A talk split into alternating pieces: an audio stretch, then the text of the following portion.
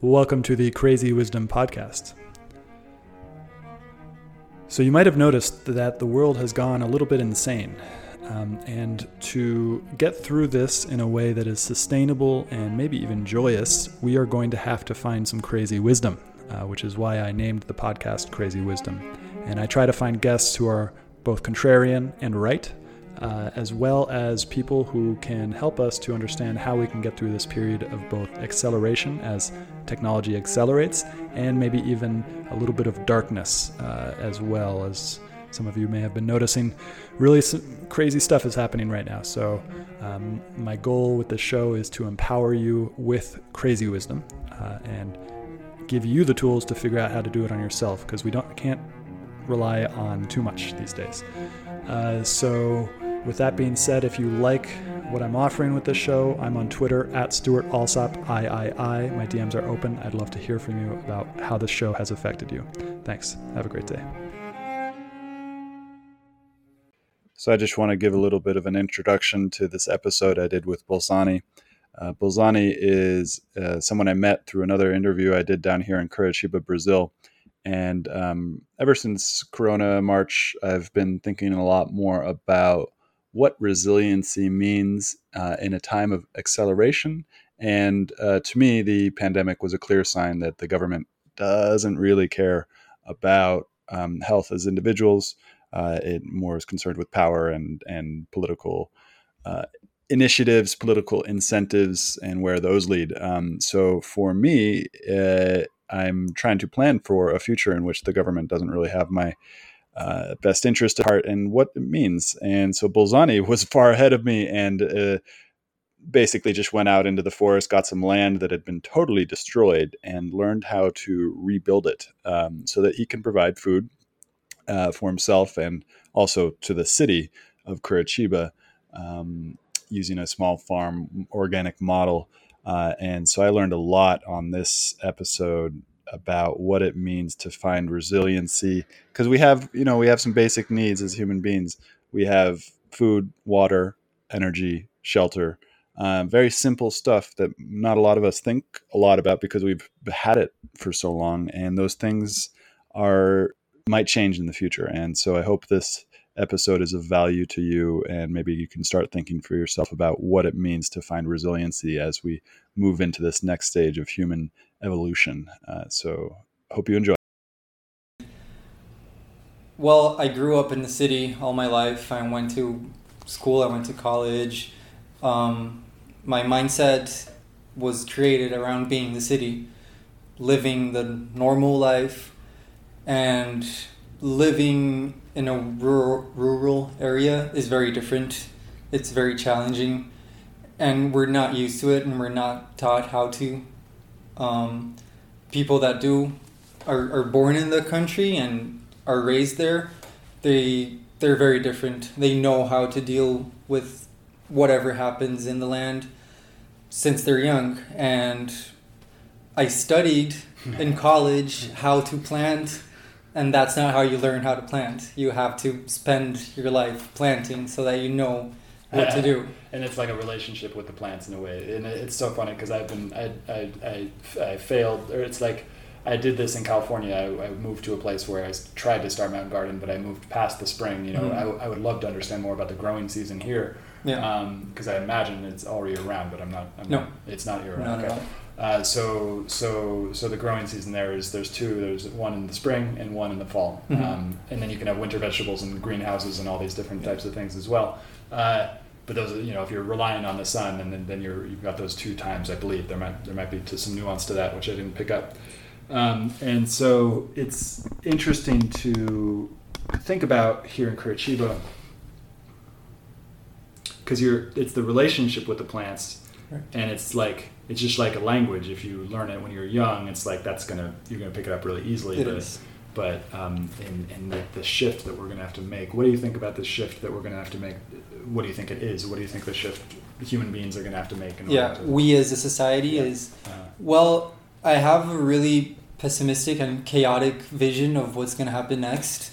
Um, actually, last year, in the beginning of last year, um, I was with a friend of mine in Minas Gerais, and we were planting. He has an agroforestry that's already ten years old, and COVID wasn't a thing yet, and we were just joking around. Um, this is the year that everything's gonna end. I don't know how it started, but every day we would wake up and we would be like, okay, today is second of February of the end of the world.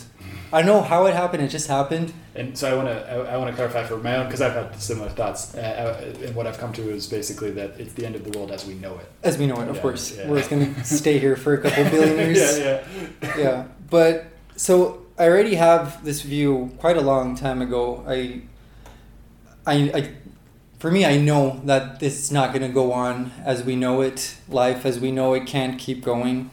Big cities just consuming insanely amounts of non-renewable resources.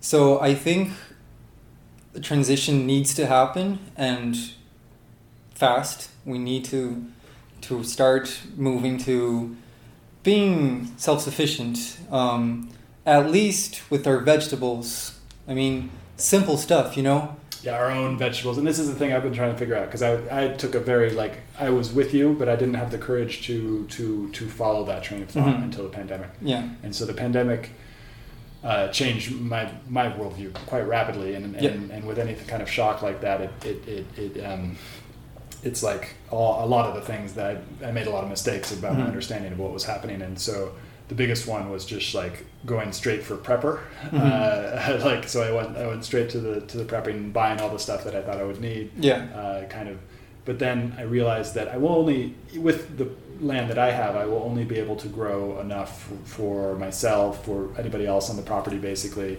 Um, and that'll only happen uh, twice a year, Mhm. uh, so I can only get the and well. And if I get animals, then it's different. But then the biggest thing for me was considering animals, and it might be different here in the United States is that um, then you have to get the vet and then you have to get all these other things because animals comes with issues as well right they're hard Um, to deal with they're hard to deal with Yeah. and so like yeah, you're you're a vegan right so you you i've been a vegan Uh-huh. for the past few years but this year or last year i've become only vegetarian okay yeah mhm. but i i plan on growing or not growing um, having chickens Uh, but that's uh, it okay because it, yeah. chickens then can provide and you and that's that seems to be the answer too it seems like chickens are the mo- make the most sense because Yeah. there's the they're, they they lay a lot of protein out Yeah, you can just survive on protein yeah and i don't actually have to kill the, yeah, you the don't chicken have to kill yeah. the chicken as yeah. well uh, and so oysters are another one oysters are another really Oysters. interesting thing uh, but they're from the ocean right they're from the ocean, but the way that they grow in, in the ocean is really interesting, particularly Yeah. for climate change. So they actually they actually capture a huge amount of CO two.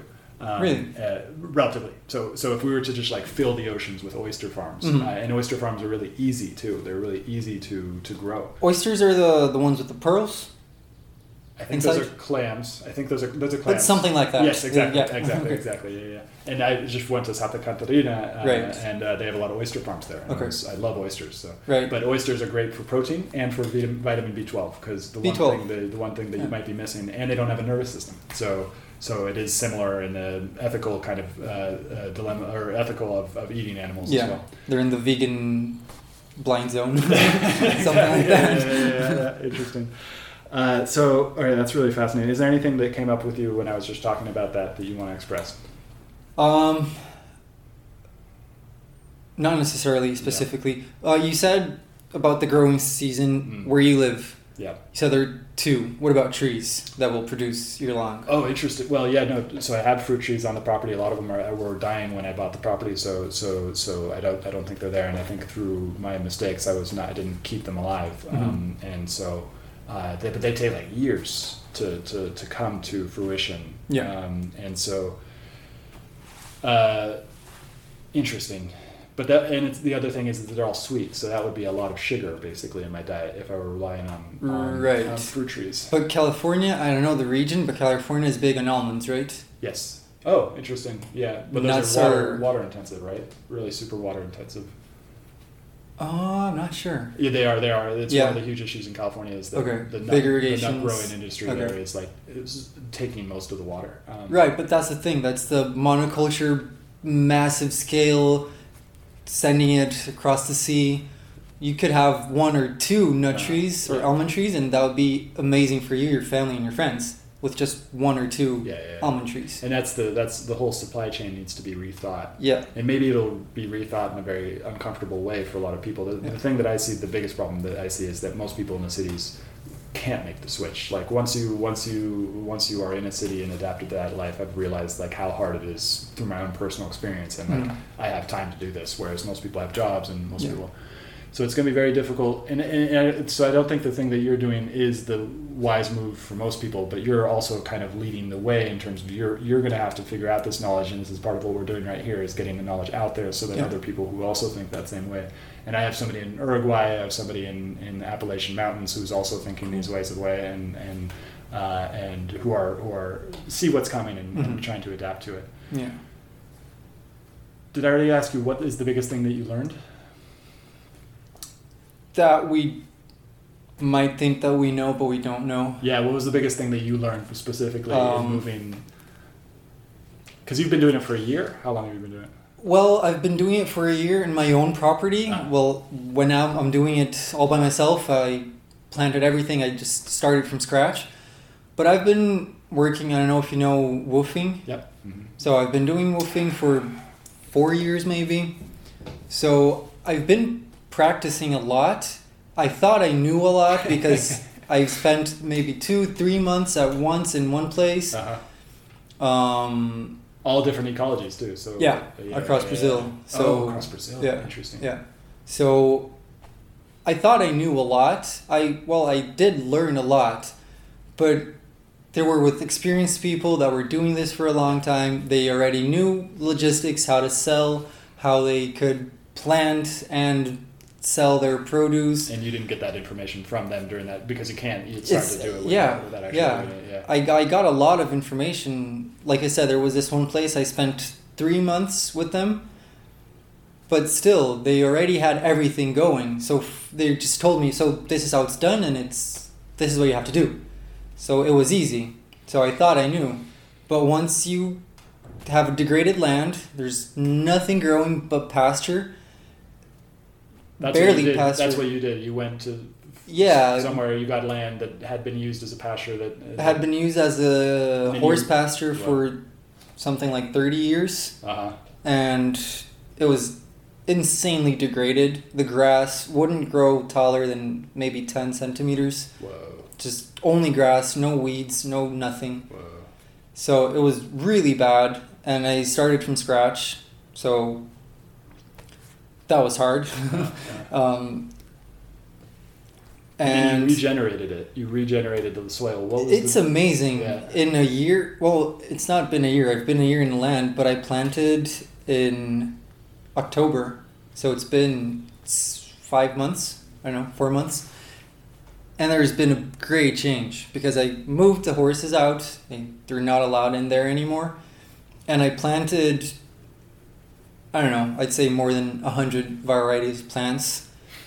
Um, most of them are not for production, food production. They're just for regenerating the land. So plant them, very strong plants, and you just chop them down and bring them Ah, to the ground. this is what my friend was, in Santa Cruz was saying. So my, I have a friend in Santa Cruz who, Right. who did the same thing with chestnuts. So Chestnuts, He, he nice. got uh, the chestnuts. You, you should grow a shitload of chestnuts. You let everything fall, and that's apparently that's another important part is that that and on my on my land I'm doing it by default because Yeah. I'm just not doing anything, and so all the all the all the stuff is and, I, and my land was never used as agriculture before. Um, Oh no, so, that's good. uh, so, and that, and I, I don't even know the soil because I've got my garden beds. The main challenge that I'm facing is that we have a huge population of deer um, Mhm. and wild animals. There's a lot of wild animals out there. Uh, crazy thing is, that I haven't confirmed yet, but I had heard is that most of the deer are infected with mad cow disease. So Really? I can't eat them, uh, or else I'll get sick, basically. Um, Their game you you hunt. well, so, so California, the particular problem that we faced in Cal- California with the ecology is that we basically killed all the the, the apex predators who would normally kill the kill the the, Mhm. the um, the deer. the deer, and and uh, and so then the deer population grow like crazy. I think it was foxes. I think it was foxes that Killed all the foxes. the, yeah, we killed all the foxes, uh, or some through some other random, you know, invasive species kind of crazy Yeah. thing happening. Uh, uh, the, the deer are overrun now, and so they'll come in and eat everything unless we have really high fences. Uh, Okay. And so, but friends of mine from Colorado are saying that you can do permaculture with the idea that you can essentially basically fill the land with so much food that the deer can come and eat it. I don't. I think in California the deer populations are too intense, though. I, I- They're too intense. yeah, really. for that. I don't know. Who knows? Maybe it's some mystical stuff where I just have to like say to the deers, like, like, don't eat my shit. yeah, I've had that problem with ants. They Ah, destroyed my orchard. Interesting. So I planted uh, 20 varieties of fruits Uh, and nuts. Uh, So like um, citrus, mandarins, oranges, limes, and then apples, pears, peaches, and they just destroyed everything. Uh, So I had maybe a meter high, meter tall um, mudas. Um, does wall? No, I plant. I bought them on the nursery Mm, and I planted them. mm. Are they a plant? Yeah, they're a plant, like the seedlings, not seedlings. Um, And is it specifically to stop ants? no, no, no, no. Oh. The the plant itself. I bought the the lime. Uh-huh. I forget how it's called.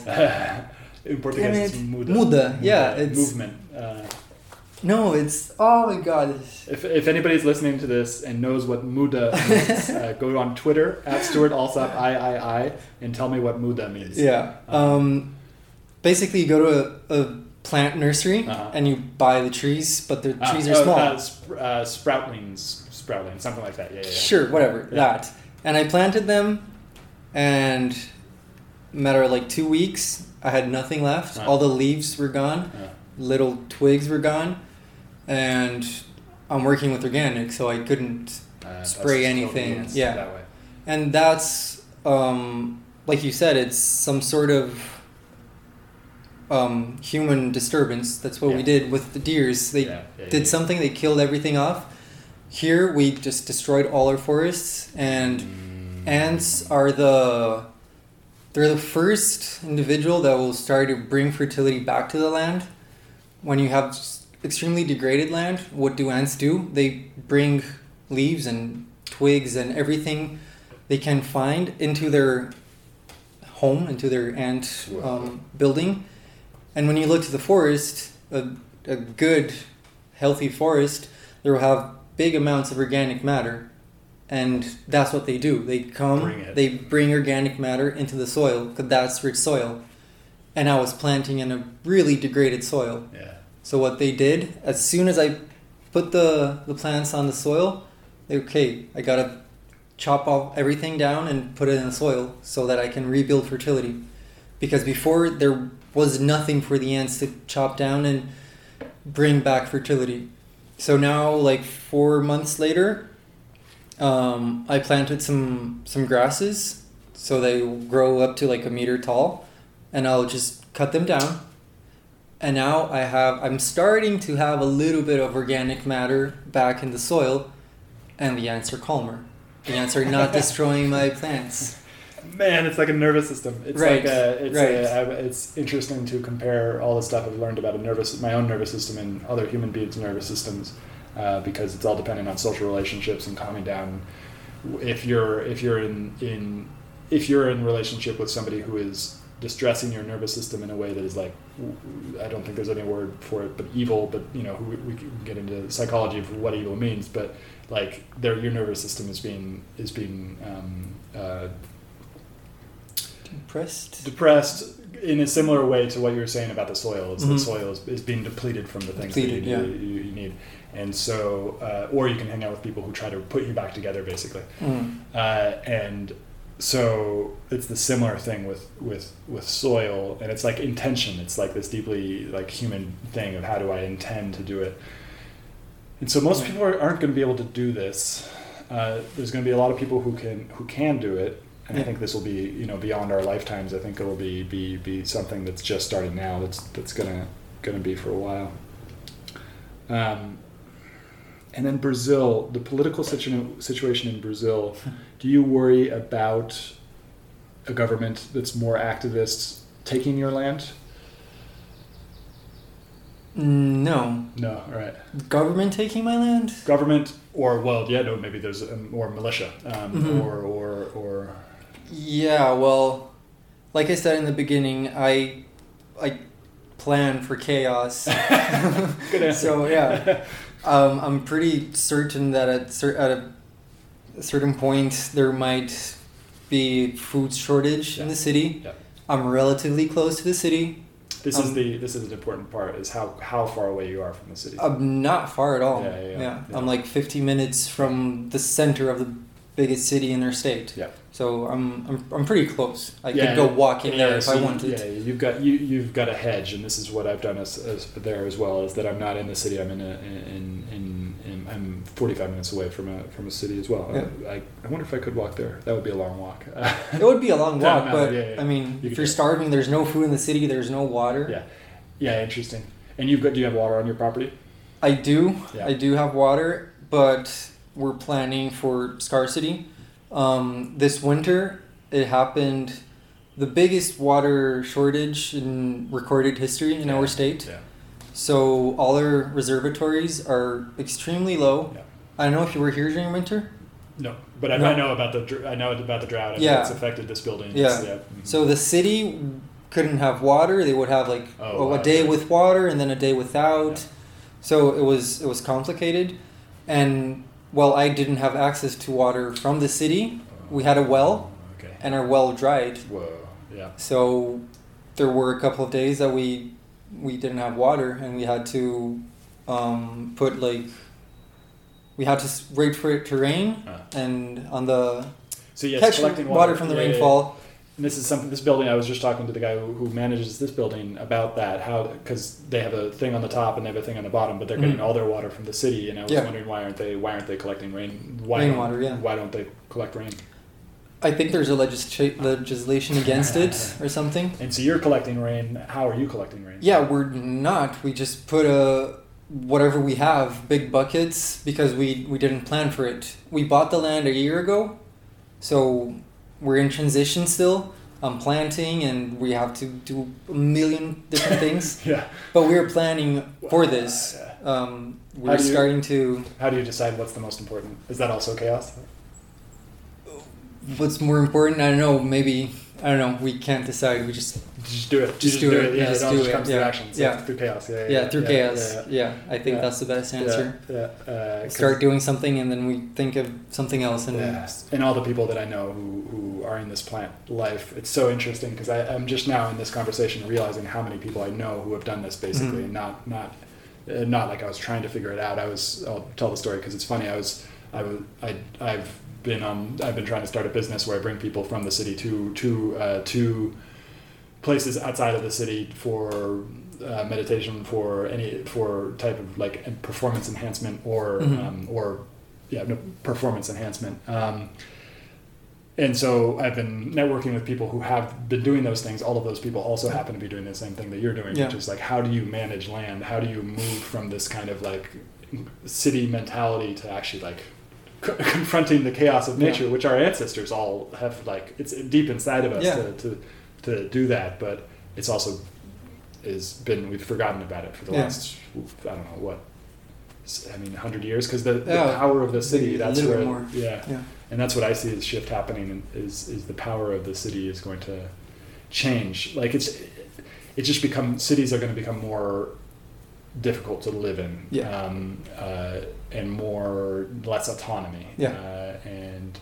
Uh, and that was clear to me with the pandemic, particularly in my country, because your your country is having different things happen to Mhm. it. Um, the biggest thing in my country is that the state is is very powerful and Yeah. uh, uh, I think made some really poor decisions about how to handle a natural occurrence of a, of a pandemic and and basically uh, uh, did the worst possible thing, which was to, to, to get really fearful and anxious and let that Yeah. guide the decisions.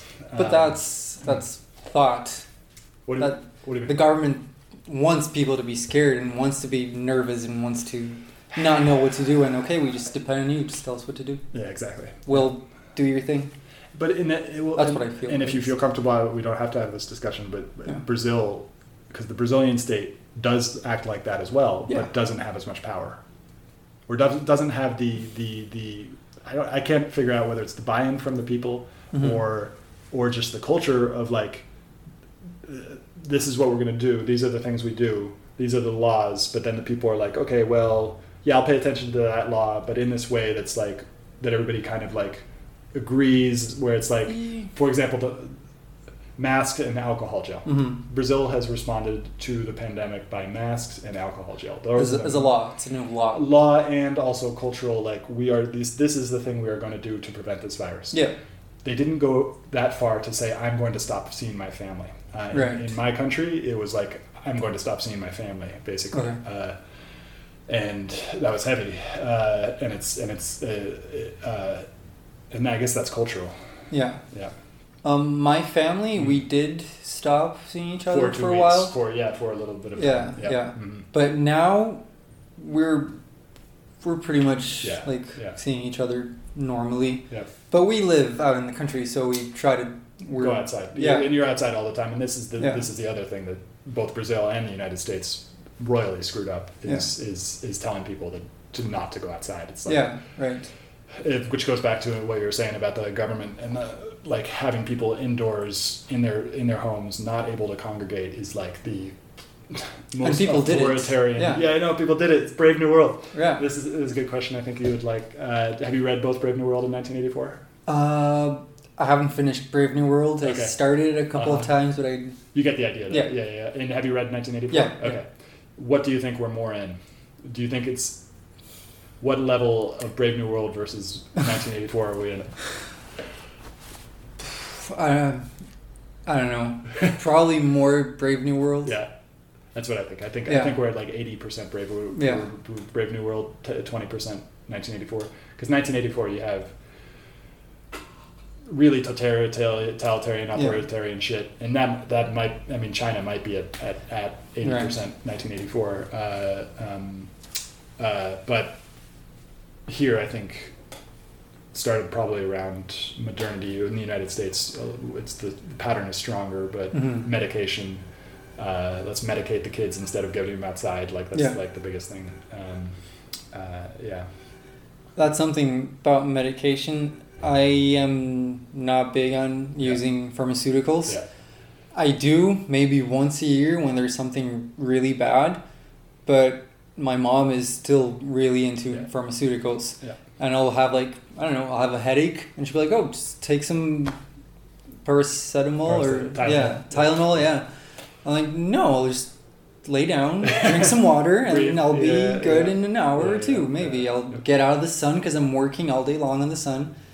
So we just have to shift the mentality, and that's really hard because it's implanted on us as soon as we're born. Yeah.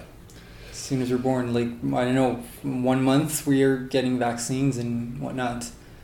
Not saying that vaccines are wrong. Yeah, no, no, and this is you know this is so, such a hard discussion. I'm glad we can do it on video, uh, audio, because like on online it's impossible to have this discussion. But like there, there is a something that's happening. So I think the mRNA vaccines are we've started to see in Israel they are working, uh, Mhm. so they are stopping transmission.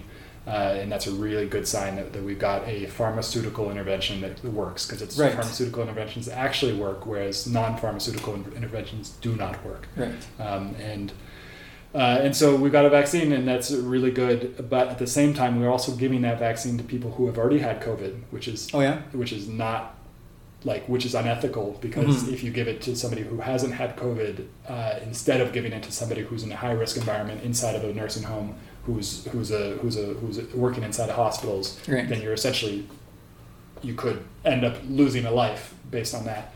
Uh, but then also the fact that it is an untested uh, long-term uh, pharmaceutical. Yeah, so, that's what I was gonna say. Yeah, yeah. It's a pharmaceutical that is working, but We have no is it working ten years from now? Yeah, we have, well, we, have, we just have no, we don't know the Right. long-term effects because the only way to test the long-term effects is through the population. Um, Okay. And and we, the interesting fact is that Ritalin has been safe, uh, neurotoxicity wise. We, there's no nothing that we can measure in the neurotoxicity of Ritalin after 70 years of its usage. Seven? 70. 70, okay. So so there are. Oh, seven years Yeah, using- cumulatively Yeah, yeah, yeah, different exactly. people. Yeah. Okay.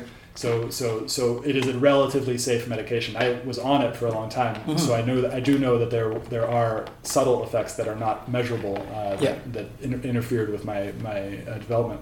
But uh, um, but yeah, so we don't know the long-term effects of mRNA vaccines, and they are a novel form of, of, of playing around with with the with the um, the DNA and the RNA inside of a cell. So it's Yeah. like, uh, and and so that is another thing about like I, as already having had COVID, have seen no universe where I will take the vaccine, and I think that I Mhm. should, and I will fight somebody if they try to if they try to vaccinate me Yeah. um, uh, because it's just like I'm young, I'm not at risk for COVID, I've already had it, Right. so it's like you know Maybe when everything is over, then comes people that has already been. exactly yeah yeah exactly yeah.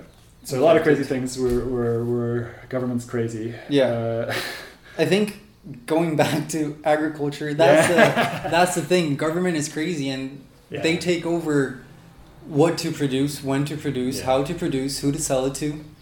So the only way to get out of that system is to basically grow out grow your own food. yeah, Yeah. yeah, Mm. because um, growers that will heavily use pesticides and Yeah. insecticides, they will pollute the water. They'll do everything wrong. They're they can sell their food without no problem, just anywhere they want to. They can sell it. It's fine, and I'm an organic grower, and I need a bunch of different certificates. I need someone to tell me, okay, you are you are actually growing organic, so now you can sell your produce as organic. And but and but that's a, I know that in the United States the organic inorganic is a is a bullshit. Uh, bullshit uh, in How terms so? of the regulations. In terms of the regulations that Well, are. Yeah. Regulations are bullshit everywhere, Yeah. but yeah. um, I don't know how so. This is this is this is something that I, I, I've heard a long time ago that it somehow got bullshit. Why? Well, because there are pesticides that are organic that are harmful. Um, Oh, yeah. Yeah, yeah, yeah. Of yeah, course. Yeah. There's that, but when But we're dealing with something, yeah. agroecology or agroforestry, we try to not use even organic Pesticides. Okay. organic anything. We just work with what we have. When did that show up? Do you know the history of that? When did when did humans start to think about disease in the in the agricultural sense? Because we've been thinking about disease in Mhm. the human sense, and this is interesting because we've been talking about the pandemic, and our and our reaction to this pandemic has been, this is a horrible disease, and it, it does kill people, and we should we should do the best of our ability to save people's lives. But at the same time, it is a natural Mhm. thing that does happen, that has happened many times, um, and so from you, I'm getting the understanding that modern industrial agriculture is um, views any invasion of bugs or anything like that as something to be killed no matter what. Oh, yeah. Um, yeah. Yeah. So when did that thought show up? Do you think? Ten thousand years ago, Yeah. when people started farming. Should because it's just like because these things are going to kill your. All these little bugs are going to kill your plants. Yeah. In a sense, there's nothing you can do about it. But how do you find the balance? That's the that's the issue. Right. Well, where I'm planting, I told you, their grass wouldn't grow more than maybe 10 centimeters. No bugs, no nothing, no insects, no ants.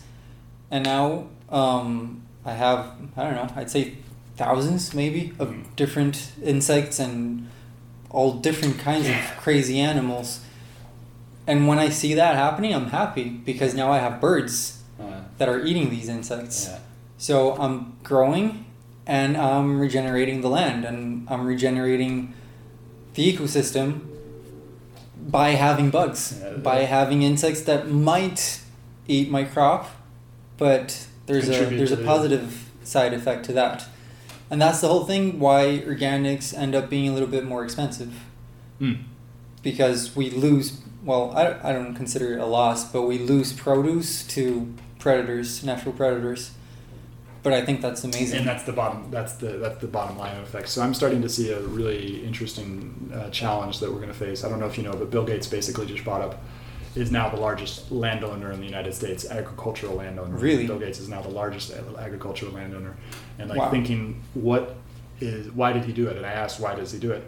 Many people go down the conspiracy theory, which honestly, I've, I'm, I'm, it's like who knows at this point, but. uh but now I think I know and understand. It, he's planning on feeding cities, so he sees the same thing happening, and so he's buying up the land and he's doing it in complete alliance with Mon- Monsanto, with with all these large pesticide companies, in order to figure out how to grow as much food as possible so that we can feed cities. Mhm. That's going to be a challenge for what, what, what we're talking about here because what you're talking about is uh, regenerative agriculture. Yeah. Ooh, yeah. But here's the thing. Um, I I'm farming on um, four thousand square meters. Okay. Four thousand, yeah. That's like a little bit less than half an acre. Uh, so less. It's not space. much land. Less space. Yeah, Interesting. it's not much land. But like I said, I'm growing 100 different plants. I have nut trees. I have fruit trees. I have short-term produce. Yeah. I have vegetables. I have. Um, Yeah, you have everything you need. I mean, need. I have everything I need, and I have everything people in the city need as well, because I have seventy fruit trees, Yeah, okay. fruit and nut trees yeah. mixed. It's actually more than seventy, um, somewhere like one hundred fruit trees, fruit and nut trees. That's a lot of fruit trees and nut trees, and nut trees are nutrient dense. They have oils. Um, fruits have sugars, and then I have my crops, corn, be it um, manioca. Yeah. So this is Um, really interesting. So, so this is getting into basically the way to, to get around what I just what I just said is that uh, the we convince people to buy land that's been destroyed, Right. uh, or people need to figure out how to incentivize themselves to to buy land that's been destroyed that the modern agricultural system has given up on Yeah. essentially, and then Yeah. regenerate those. Those are probably cheaper. Those are probably, but they require what's called sweat equity, uh, Yeah. sweat sweat. Uh, which you've been doing for the last year Yeah. and it's not romantic. No, no, Uh, it's not. You can't you can't capitalize on it in the same way that capitalism does to all the other Yeah. romantic stuff. Um, uh, so uh, it's gonna be an interesting. I like it though. I like where it's where it's headed. Yeah. Uh, um, what would be the one thing if somebody's listening to this right now and gets excited about the life that you're that you're offering? What's the biggest thing you can tell them without totally disturbing their their sense that it's possible? It's really rewarding. Yeah. It's amazing. It's incredible. Um, I mean, in an extremely degraded land, I've managed to already get, I mean, lettuce, broccoli, um, regula, and I'm waiting for my yams and curcumas, and I know they're there. I see them growing. Um, it's a lot of work, but I see that they're healthy. My broccolis were big. They were nice. They were really tasty. And it's been only four months that I'm working on that land. this is the trippiest thing that I have to I have to understand about. So I'll explain it to my listeners. The area where we are is part part of called uh, it's called Atlantic rainforest, Right. uh, but we're in a specific part of the Atlantic rainforest. We're really high up, so it's not as hot as the rainforest would imagine. There are places nearby that are really hot, um, and so I live by, next to next to this park. That's just like this beautiful park. That's basically the, what Curitiba used to look like, essentially, right? Not really. Oh, interesting. All right. Not really. so really. wait, let me let me finish this. So, so, so the, the park is basically just like a full on jungle where you go in. There's birds and there's crazy things, and it's like it's it's like really the sound and the sensory experience are really intense in a way that uh, my forest back home is not that intense. It's more kind of like solitude. Mhm. Um, and you go into this this this forest. There's it's not solitude. You're not Right. alone. There are things there. Um, where you come from? Is it pines? Pines, yeah. Oaks? Oaks and pines. Pines and oaks. Yep. Exactly. Okay. Yeah. Mhm. Okay, yeah. The diversity here is Uh, incredible. yeah, that's the thing. Um, studies suggest that here in our region, in our rainforest, the diversity is even bigger, possibly, than in Amazon. Whoa.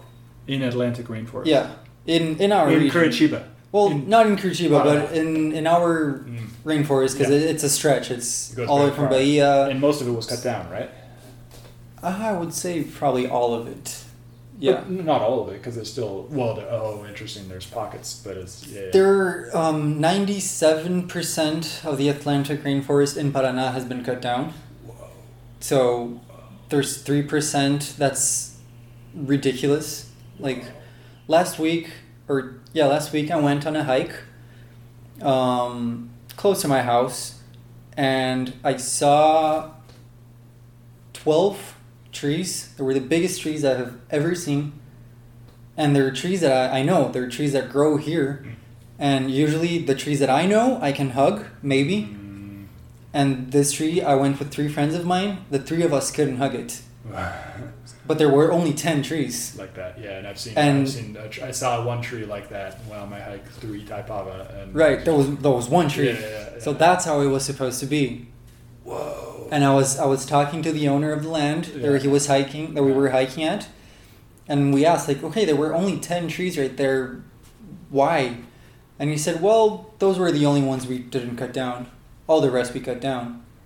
And he had this massive land, and I mean all lands. I I work with agriculture. I've been all over the place. I studied. I went to visit farmers when I was in agriculture college or agronomy college.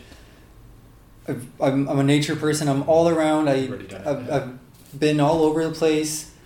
Um, I have a friend of mine that he's a forestry engineer Mm. and he works with um, classifying trees. So he walks, he's been all over the state and he said that those 10 trees are the biggest he's ever seen. Uh, So, I mean, yeah, this it this park right here Yeah. was supposed to be with trees that big. filled with those trees. Yeah, but in And my they're- they pines? Are they? no no no they're are they? they're the ones I saw they were cedars.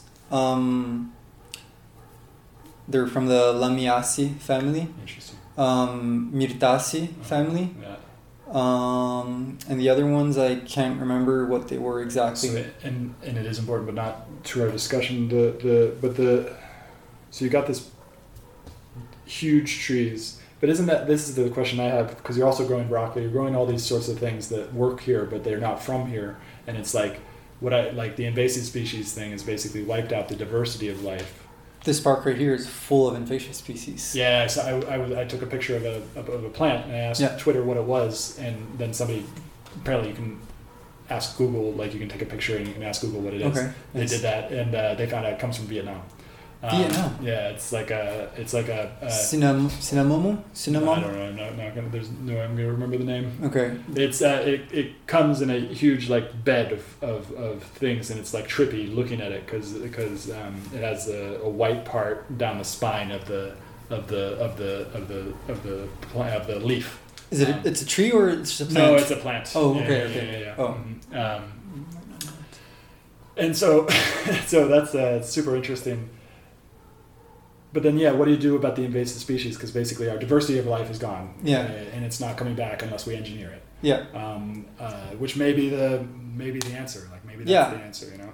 That's that's what we have to do, in my perspective. Uh, Um, we have a lot of people see nature as a sacred thing that you can't touch. You can do hikes on it and you can observe, and it's special and you can't touch it.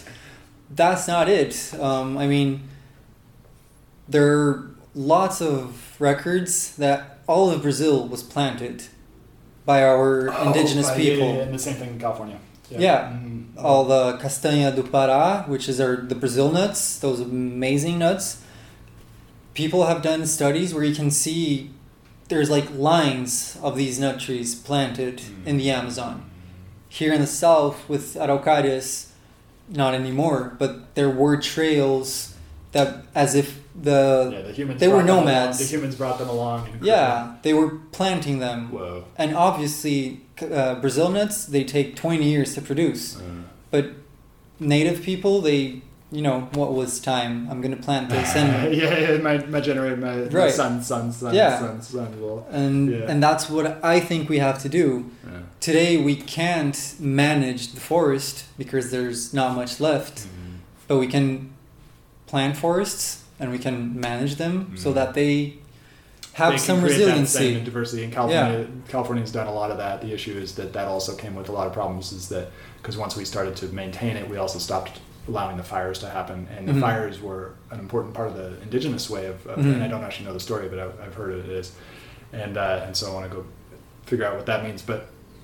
That, that was the, the the natives had a way of basically keeping the the, the forests going Mhm. by having these fires and then uh, and then we came in and established a national park system, which is amazing. Uh, the Mhm. national parks are really awesome.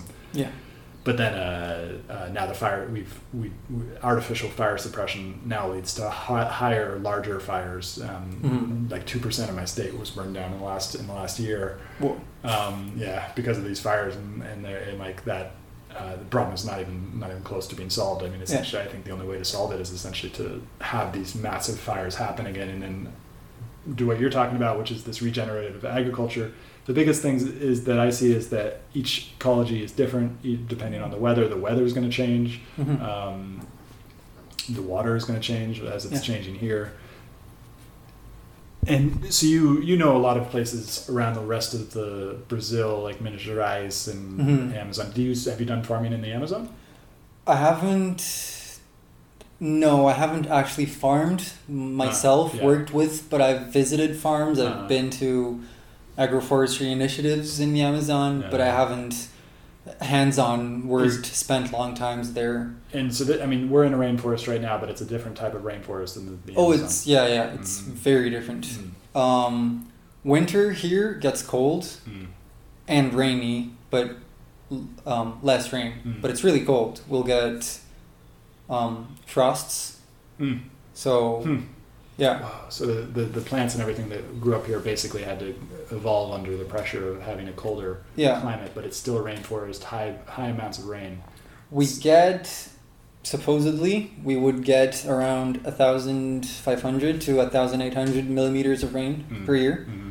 That's a lot of rain. I would need to compare that to like California to understand what it means in I relationship. I think California might be something around 400, okay. 500, Oh, okay. Okay. So significant. And what about the Yeah. rainforest? What about Amazon? Maybe 2000. Okay. So they get more rain there. Yeah. And it's hotter. And It's hotter and it's rain all year long. all year long. Um, I mean, every day it'll rain, Yeah. and it'll rain considerable amounts. Here, it'll rain all year long as well, but during winter, it'll like drizzle for ten days in a row. Yeah. But it will just be drizzling. Yeah. It won't be And. I'm sure that drizzling is like super important in the same way that the fog is really important to the redwoods in It is, in, in, is. in California. it is, yeah. um, and that's might change.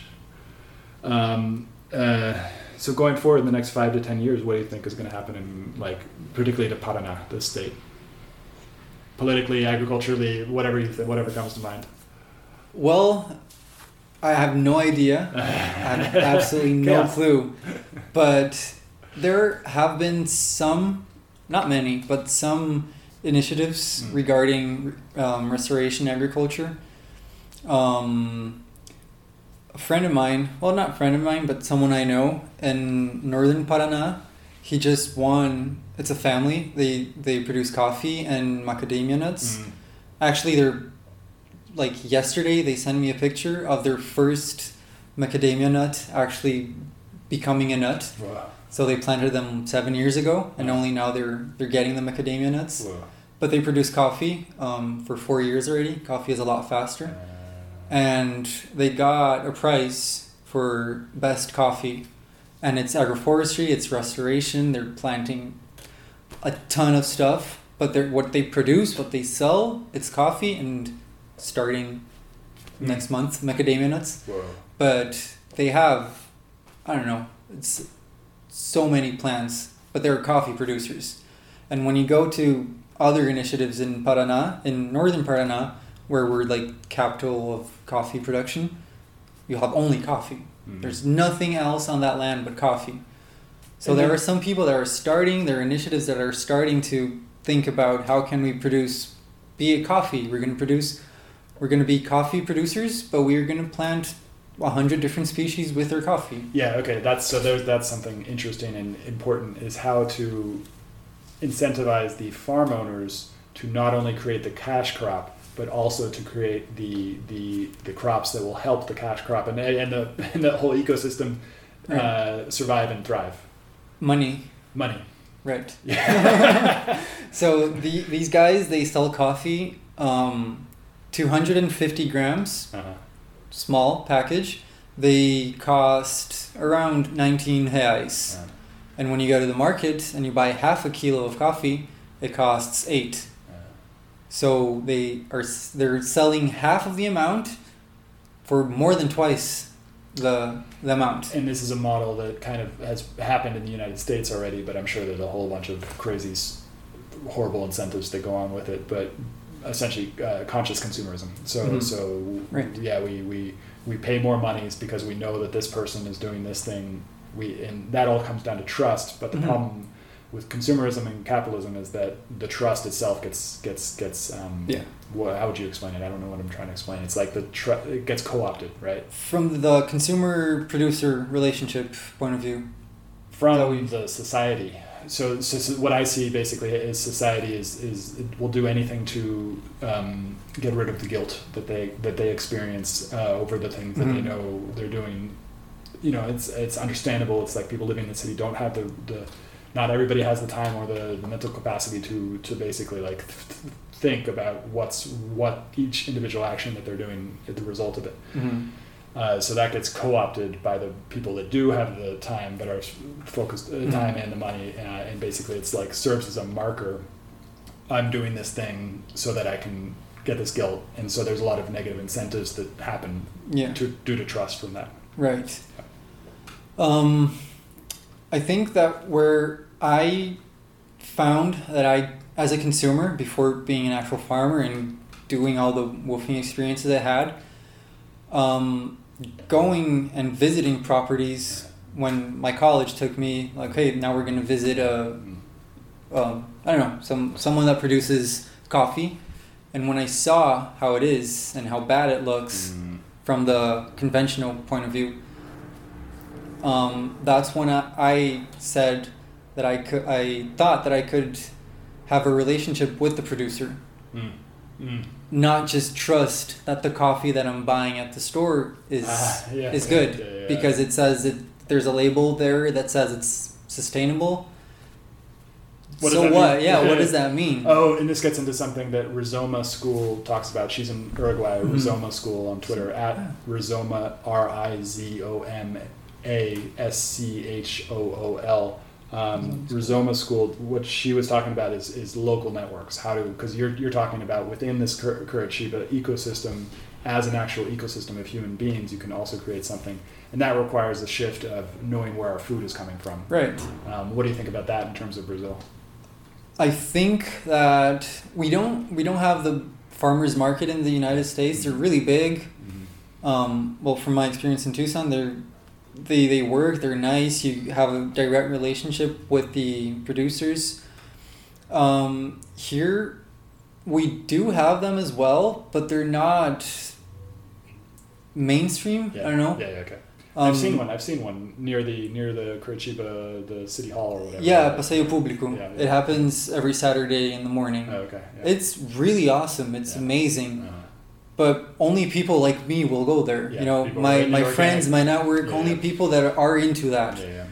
People that don't understand the importance of knowing who's producing your food and how they're producing your food.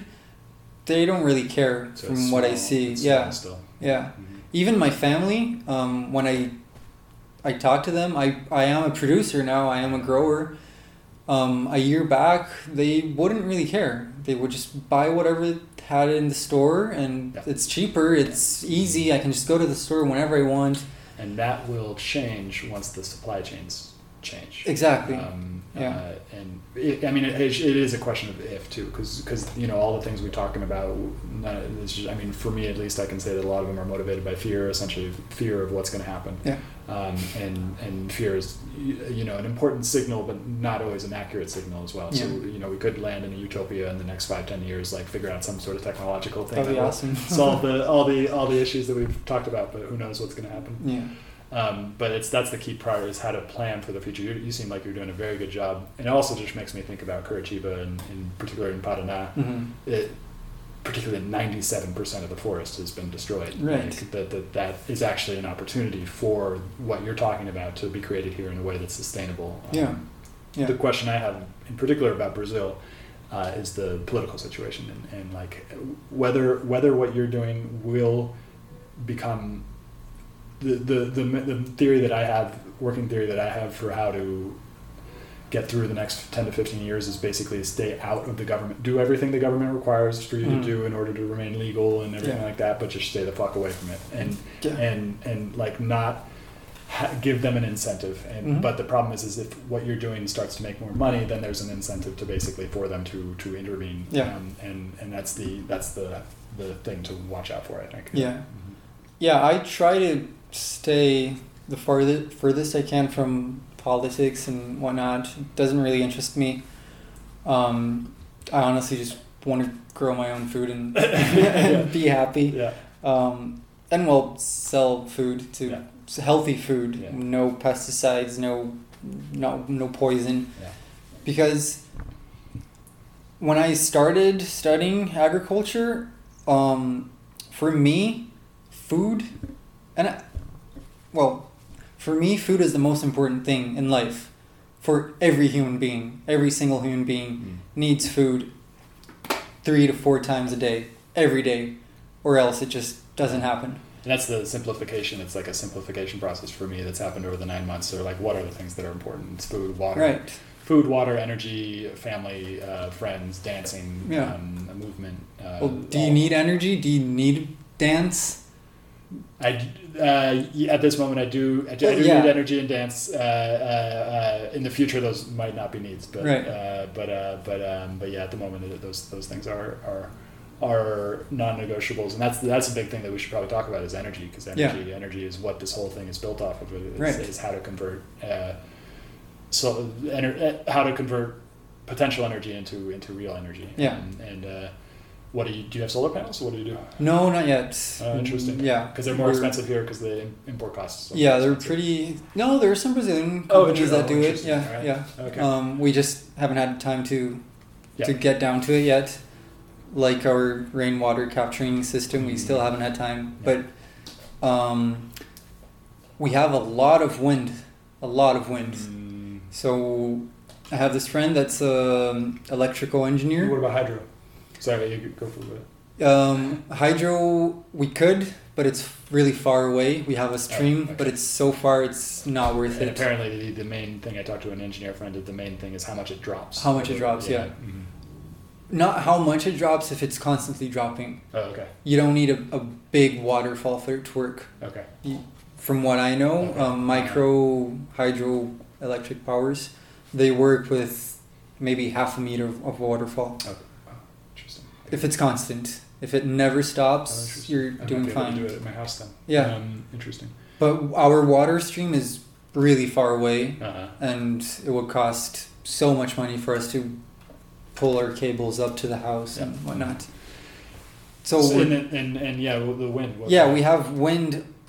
Well, I've been there for a year now. It's finished this. It'll close a year now in the end of the month. So I've noticed that all year long it winds a lot. Mhm. It doesn't matter if it's raining, if it's sunny, if it's if it's it's always windy. So there's this friend of mine that's uh, an electrical engineer, and we're gonna try to figure out if there's something, maybe like do it yourself that can Yeah, be well, made. This is, this is what's coming to me right now. Is that basically, uh, I've always thought of alternative resources, alternative energy sources is, Yeah. as kind of like an indu- industrial thing. Mhm. Um, and what you're ta- talking about is small scale. If everybody's growing their own food, Yeah. what is the minimum requirement for energy for a family? And that's uh, and can you produce that with that? And governments have gotten into that with subsidizing certain things. Are there any subsidies here in Brazil for solar or any type of energy? Uh, yes, but I don't know Yeah. how it works. Maybe I'm being too hard on the government because there there are some things that the government does right. Uh, Yeah. but they're well, yeah, yeah they're, they're on the periphery of, Yeah. of, of, of attention. yeah. Yeah. What I think that should happen is um, self sufficiency. Not in everyone being self sufficient For with everything, Yeah, yeah, yeah. But uh, what is the yeah what is the ideal self sufficiency? Uh, the a value of self sufficiency. How to incorporate a value of self sufficiency that people. at, at least with you know you live in a really small apartment, you get some sun. Mm. Maybe you could grow your own lettuce in a little, a little Mm. um, vase or something.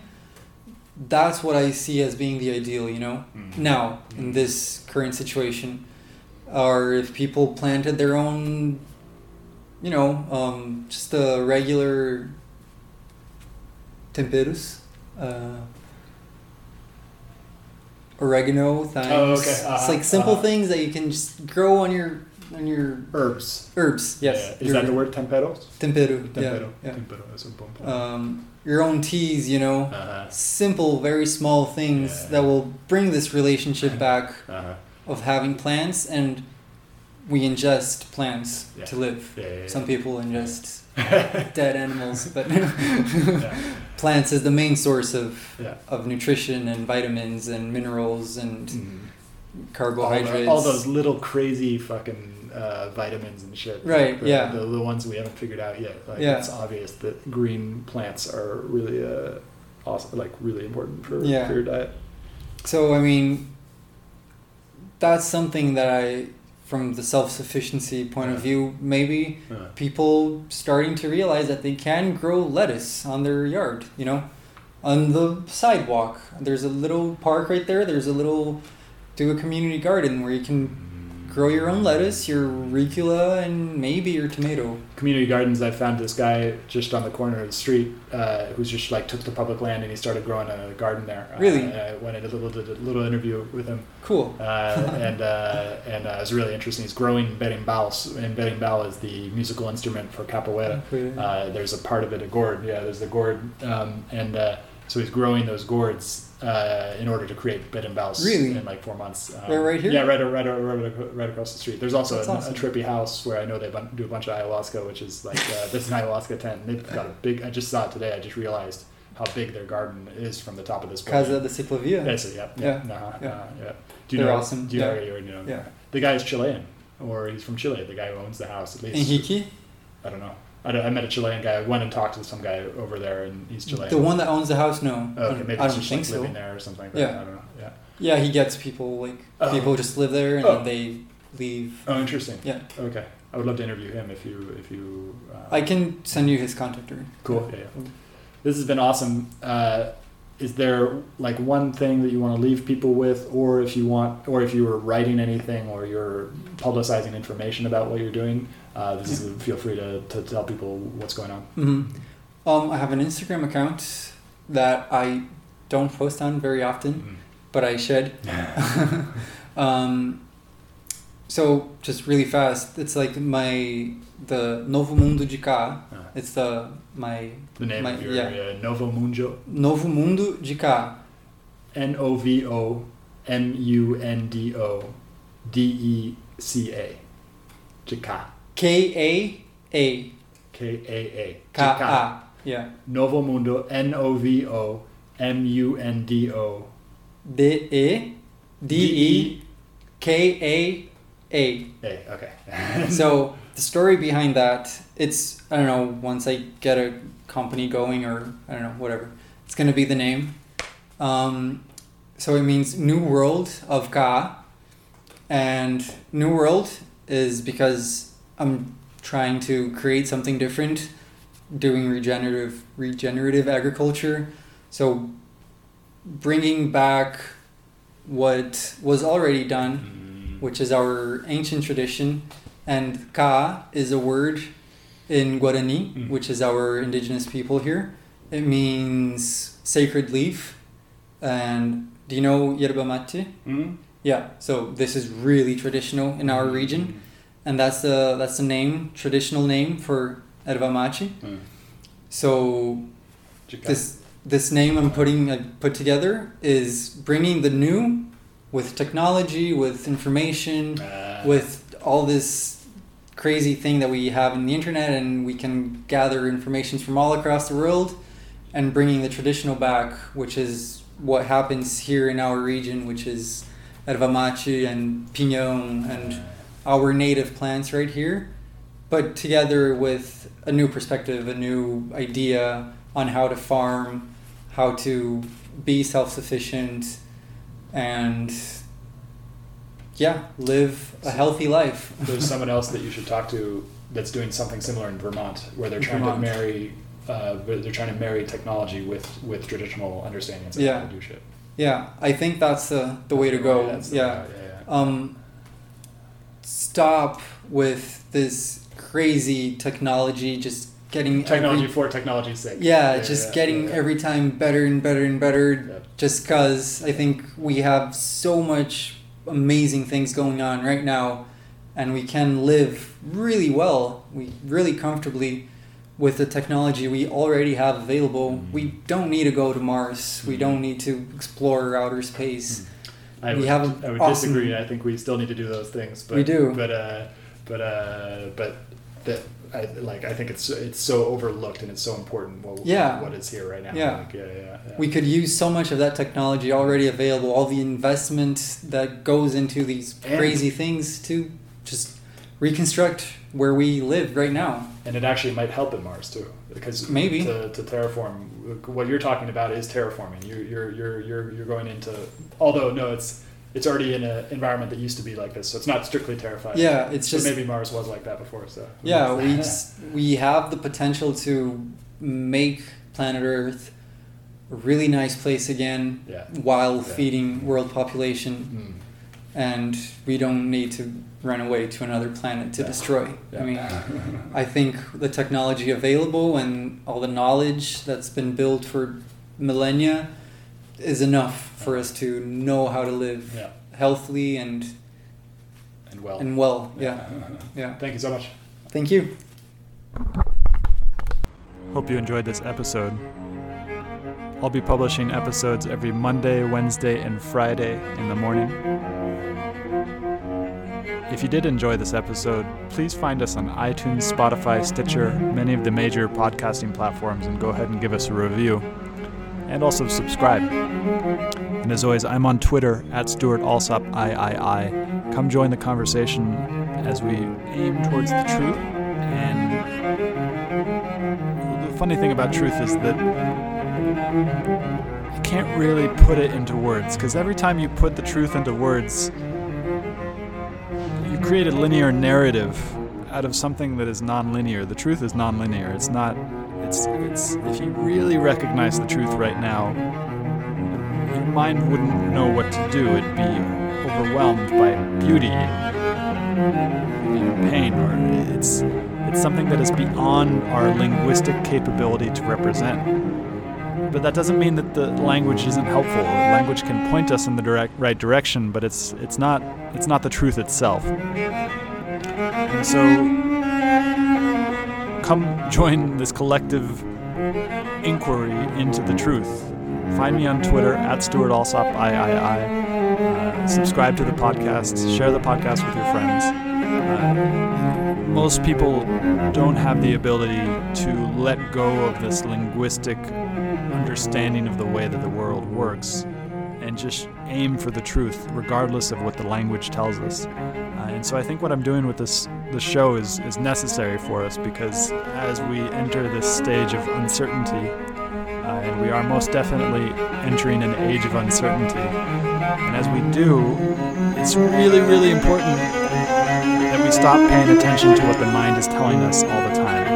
Doesn't mean to say that the mind doesn't have its place. The mind obviously has its place, but it's just one of the senses. It's just one of the tools that we can use. We can use the mind, we can use the feelings, we can use our actual senses. Uh, we can check our intuition with other people because sometimes the intuition tells us the wrong thing as well. Sometimes the intuition is wrong. So it, we can't we can't rely on any one tool to get us there. So come join the show. Find us on iTunes. Find us on Twitter at Stewart Alsop III. Uh, and come join the, this inquiry for truth.